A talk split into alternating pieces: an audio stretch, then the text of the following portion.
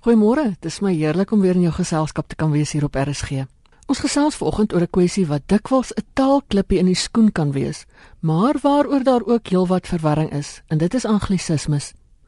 Ek het die bekende taalkundige professor Ernst Kutse gevra wat 'n anglisisme dan nou is. Ja, nou, oor hierdie onderwerp is, is daar al boeke geskrywe en kongresse gehou en taalstryde gestry. En dit is eintlik ehm um, moeilik om om iets nuuts daaroor te sê. Maar dit is ehm um, ek dink mense dit te doen met met 'n hele sosio-linguistiese situasie wat betref Afrikaans en Engels wat naas mekaar gebruik word. En wanneer mense 'n taal gebruik, dan is daar in jou onderbewussyn 'n uh, 'n stel norme wat jy toepas en en as jy twee tale naas mekaar gebruik en nie net tale wat naas mekaar naas mekaar gebruik word, jy weet en wat mense hoor, maar ook wat jy self aanleer, dan kom daar op die oomblik 'n uh, 'n soort norm konflik tot sta, tot stand ehm um, wanneer jy in een taal dink en skielik iets in die ander taal moet sê of uh baie blootgestel word aan 'n uh, aan 'n tweede taal in jou in jou moedertaal jy weet moet gebruik. So daar is baie duidelik ehm uh, so onderlinge of ten minste onderbewuste beïnvloeding wat wat plaasvind uh tussen Engels en Afrikaans nou ja ons weet uh van die sterk sterk posisie wat Engels as lingua franca in die Hiernamaals Suid-Afrika inneem. En tweetaligheid of ook meertaligheid is by Afrikaanssprekendes eerder die norm as die uitsondering. En uh omdat daar ook toenemend van Afrikaanssprekendes verwag word om Engels te gebruik in situasies waar die taal 'n hoë funksie verrig, byvoorbeeld in 'n maatregstaal of wetenskapstaal of taal van finansies of ekonomie begin baie sprekers die norme wat op Afrikaans van toepassing is in sulke situasies letterlik vergeet en uh, word die norme wat op Engels van toepassing is gemaklikheidshalwe en onderbewustelik op Afrikaans toegepas. En ek ek dink uh, dit is weet uh, hoe mense by die definisie van anglisisme uitkom waar die norm norme van Engels op verskillende vlakke onbewustelik uh, deurgeslaan het. Jy weet in die meeste ehm um, eintlik 'n woord gebruik waarvoor daar 'n alternatief bestaan, 'n idiomatiese alternatief in Afrikaans. En ek dink die woord anglisisme is al gou gemaak vir baba bang tipe woord, jy weet, uh, wat baie sterk gestigmatiseer is veral onder taalpuriste, taalonderwysers. Ag, jy weet die hele hele opset wat wanneer dit kom by taal aanleer, uh, moedertaal aanleer spesifiek. Maar ek dink dit is ehm um, 'n uh, verskynsel wat dalk eerder beskryf kan word as 'n ont ontidiomatisering van Afrikaans. Met ander woorde waar die Afrikaans sy idiomatiese karakter verloor.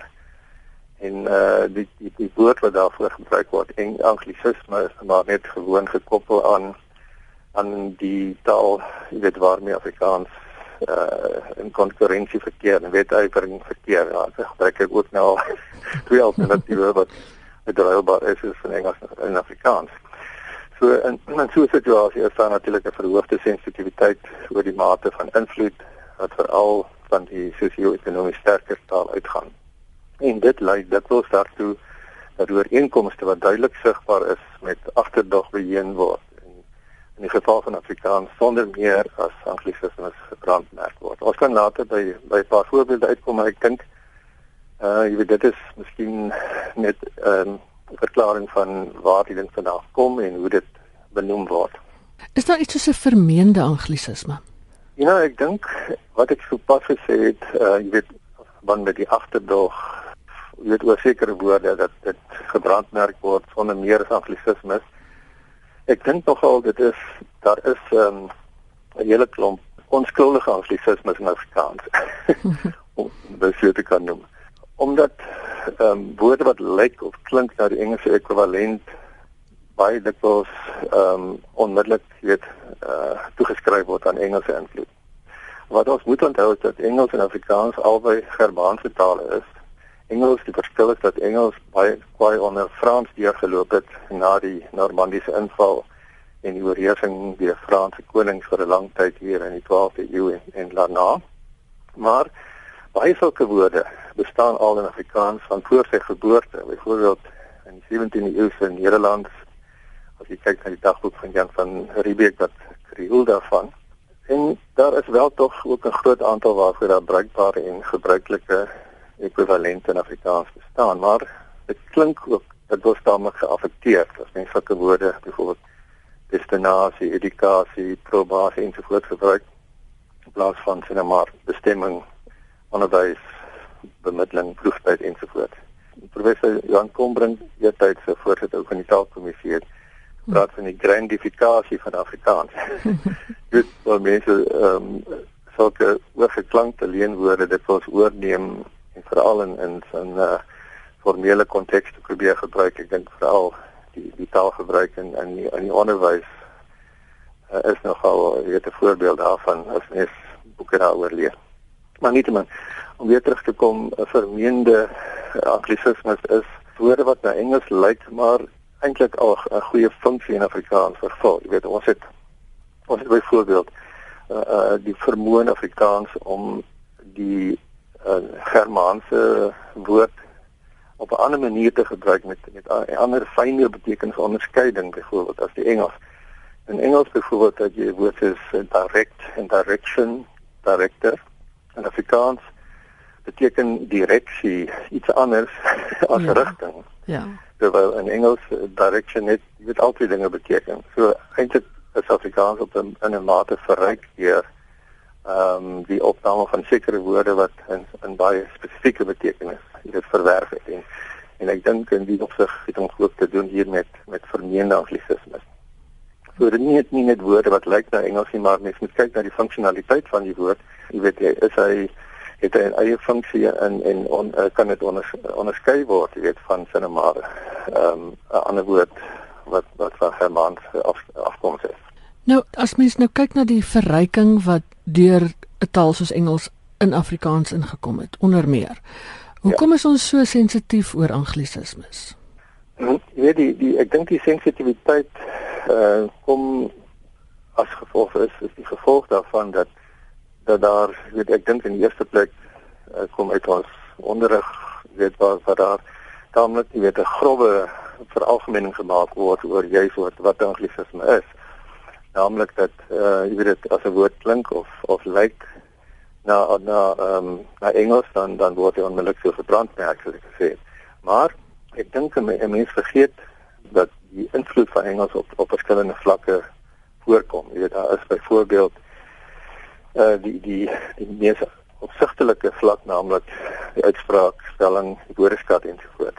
En jy daar is uh, 'n baie sterker invloed wat eintlik onder die die bewussyn plaasvind waar, waar dit gaan oor uh, soms oor sin jy weet sintaksis die sinsbou wat baie dit was ehm um, op die Engelse uh, patroon gebaseer is.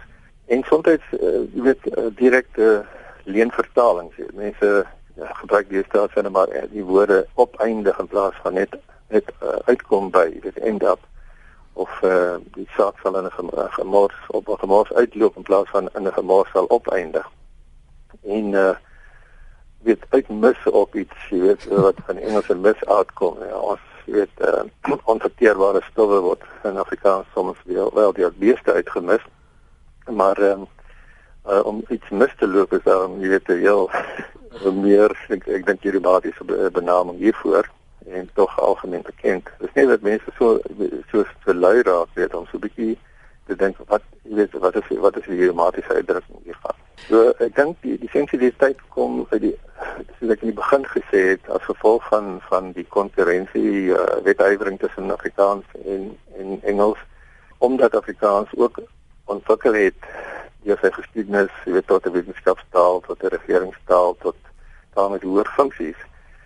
En op die oomblik daar, ek dink nogal baie sterk ehm um, soms jy weet onverbloemde uh aanslag is om om Afrikaans van hierdie funksies 'n bietjie te beroof dink ek. Ek dink ja, wat die sensitiwiteit van die mens, uh, ek dink nogal baie sê, jy weet omdat dit dit word nogal ek dink hierdie hele die sensitiwiteit self word word verhoog uh deur die nie deur deur die geskiedenis van Afrikaans en Engels wat wat naas mekaar ontwikkel het en jy weet in die, in die situasie bedeling van tweetaligheid ehm um, naas mekaar gebruik is maar ook nou omdat uh, Engels nogal tamelik sterk bevoordeel word, jy weet deur uh, regeringsbeleid onder andere ensovoorts.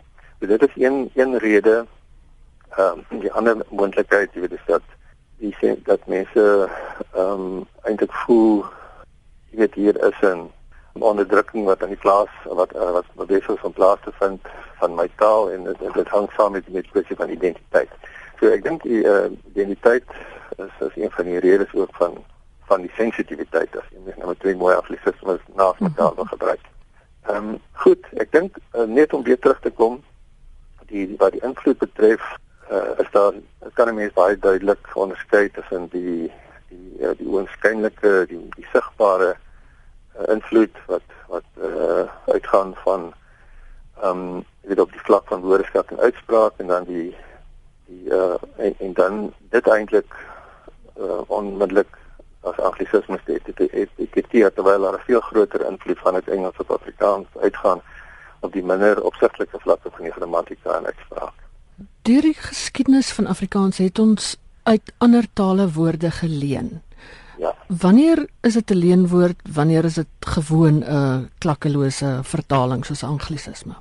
Weet jy, nou ek dink 'n mens kan uh, nogal onderskei hierso tussen wat betref die funksionaliteit daarvan. Jy weet hoe funksioneel is dit? Mens kan uh, onderskei sinema tussen woorde wat net so oorgeneem is met hytjie en mytjie, byvoorbeeld Engels soos garage, uh, speaker, gentleman, uh, club, scrum en so voort dit is dit is woorde wat wat uh, wat eintlik amper mense mense kan dit amper noem in 'n soort van eksotiserende ehm um, konnotasie. Jy weet dit is dit kom uit uit 'n kultuur van 'n bepaalde omgewing en en dit hang hang saam met met die kultuur self.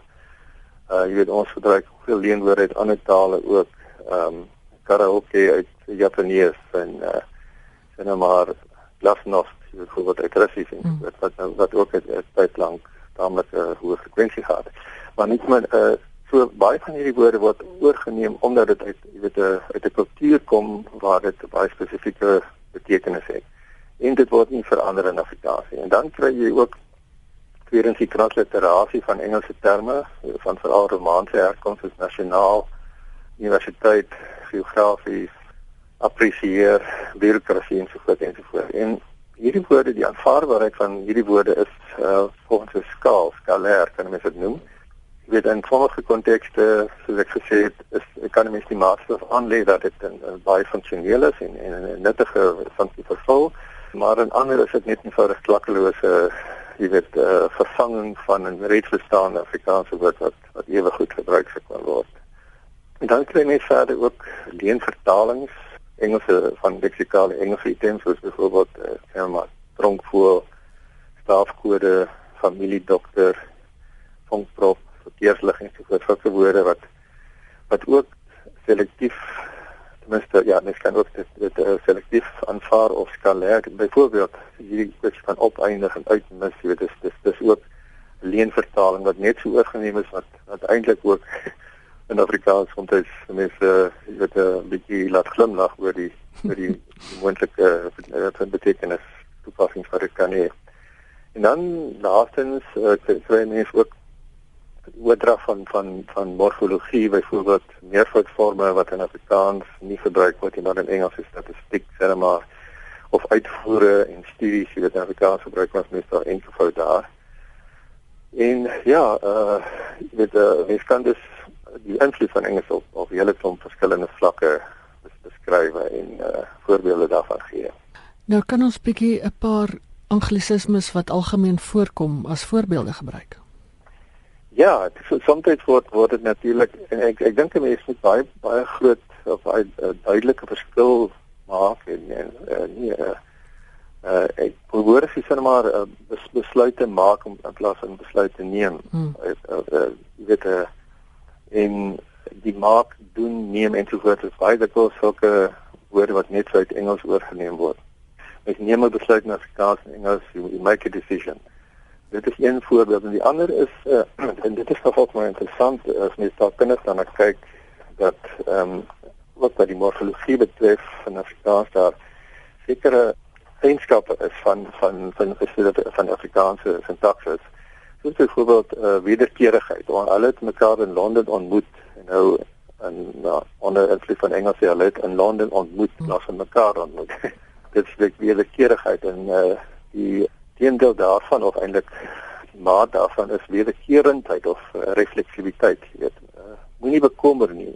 In Afrikaans sou mens eerlik altyd sê moet jy nie bekommer nie. Weet dit is 'n wederkerende werk wat eintlik in Afrikaans of hulle het aan aan die samesprekings onttrek uh, na aanleiding van die Engels uh, withdrew uh, from from the discussions. Hulle het hulle onttrek aan die samesprekings. Jy weet dit is was altyd die, die gebruik geweest of uh, hy het hom ooreet, hy het ooreet ensovoorts en ook oorganklikheid is ook 'n ander ding. Byvoorbeeld in Engels sê mense they they rested colors for the next test en uh, in Afrikaans word jy seker dat hulle sê hulle uh, besluit om colors te rus in plaas van te, te laat rus. En dan raak jy dat te gerus, jy weet. 'n Ander een wat mense dikwels hoor is 'n vergadering is onderweg in plaas van aan die gang. Ja, dit is jy weet eintlik onderweg sou sou wees op pad. Ja. Ehm um, terwyl uh jy weet uh en ons ons gebruik ook die woord op pad en hulle spel dit verkeerdelik as een woord is daar. Plaas is is oppak byvoorbeeld. terwyl op op pad en en alle woorde met op gewoonlik los konstruksies in Afrikaans is. Maar onderweg is een van die voorbeelde wat wat een wat as een woord geskryf word en dit beteken eintlik maar op pad ergens heen nie uh, en dit is fisies dit is nie uh yet underway is in Engels uh, besig om om plaas te vind nie. Is dit maar reg? Nou wat kan 'n mens doen om stylvolle en keurige Afrikaans in die gepaste kontekste te kan gebruik? Ja, ek dink daar is maar net een uh, oplossing hier en dit is lees, lees, lees goeie Afrikaans. Hmm. Jy weet mense um, uh is baie geneig om om en ek dink die die hele kwessie van 'n leeskultuur in in Afrikaans of die gebrek daaraan net baie bygedra tot tot 'n vervlakking en ontidiomatisering van Afrikaans. En dat so baie dinge eenvoudig uh in die vergeetelheid verdwyn en as as iemand dit skielik begin gebruik dan of hulle uh, iemand vind dit uh, jy weet vreemd of snaaks of oulik of wat ook al of verstaan dit gewoon glad nie terwyl dit eintlik jy weet deel was van van die woordeskat wat wat verder strek as net die letterlike benoeming van van uh jy weet handelinge van dinge sake wat wat eintlik mense gedagtes 'n bietjie aan die gang sit en mense verbeelding prikkel jy weet as mense idiomatiese uitdrukkings gebruik dan prikkel dit jou verbeelding dit sit jou geesstof 'n bietjie aan die gang en ek dink dit maak my slimmer En dit is ook sodat taal 'n groeiende ding is, 'n lewende ja. ding. Met nuwe goed wat ontwikkel, moet mens noodwendig nuwe woorde, nuwe begrippe skep. Ja, ja, ja. Dit is reg. En, en jy weet, um, ek dink ons het in Afrikaans nogal 'n hele uh, kultuur van van kreatief dink, jy weet om uh woorde te skep. Baie baie dikwels is hier is hierdie kreatiwiteit ook toe te skryf juis aan die aan die wetywering met Engels. Maar uh jy weet in taal soos Nederlands byvoorbeeld wat nie heeltemal so kreatief is as Afrikaans wat dit betref nie omdat hulle in uh, jy weet heeltemal 'n westerse uh, Europese konteks is waar veeltaaligheid en onderlinge uh, verwantskap tussen die tale baie maklik lei tot gewoon oorname en jy weet uh, verinneming van van leenwoorde het ons Afrikaans nogal omdat ons in 'n ander kontinent woon en met nuwe dinge te doen kry, moet ons ook 'n bietjie kreatief uh, te werk gaan. En ook met nuwe dinge wat nou kom, uh, ek dink byvoorbeeld die Engelse woord interface wat in Afrikaans vertaal word met koppelvlak. Uh die Nederlandse Nederlanders het dit nogal 'n heel oulike ontdekking gevind. en jy weet dit is hierdie soort van van 'n uh, nuwighede wat wat ontstaan en nou daar daar is voortdurend aktiwiteite aan uh, aan aan die gang in Afrikaans om 'n uh, nuwe benoeming vir nuwe dinge te probeer vind en en dit is dit is eintlik 'n opwindende aktiwiteit, 'n opwindende fase waarin waar die taal moet tred hou met die werklikheid wat besig is om te verander. Dit was die taalkundige professor Ernst Kutse. As jy weer na die program wil luister, kan jy die potgooi aflaai by rsg.co.za of jy kan donderdagoggend 3uur na die herhaling in deernag luister. Jy kan van jou laat hoor deur vir my e-pos te stuur na strydomjj@sabc.co.za. Geniet die res van die Sondag en van my Ina Strydom alles van die beste tot 'n volgende keer.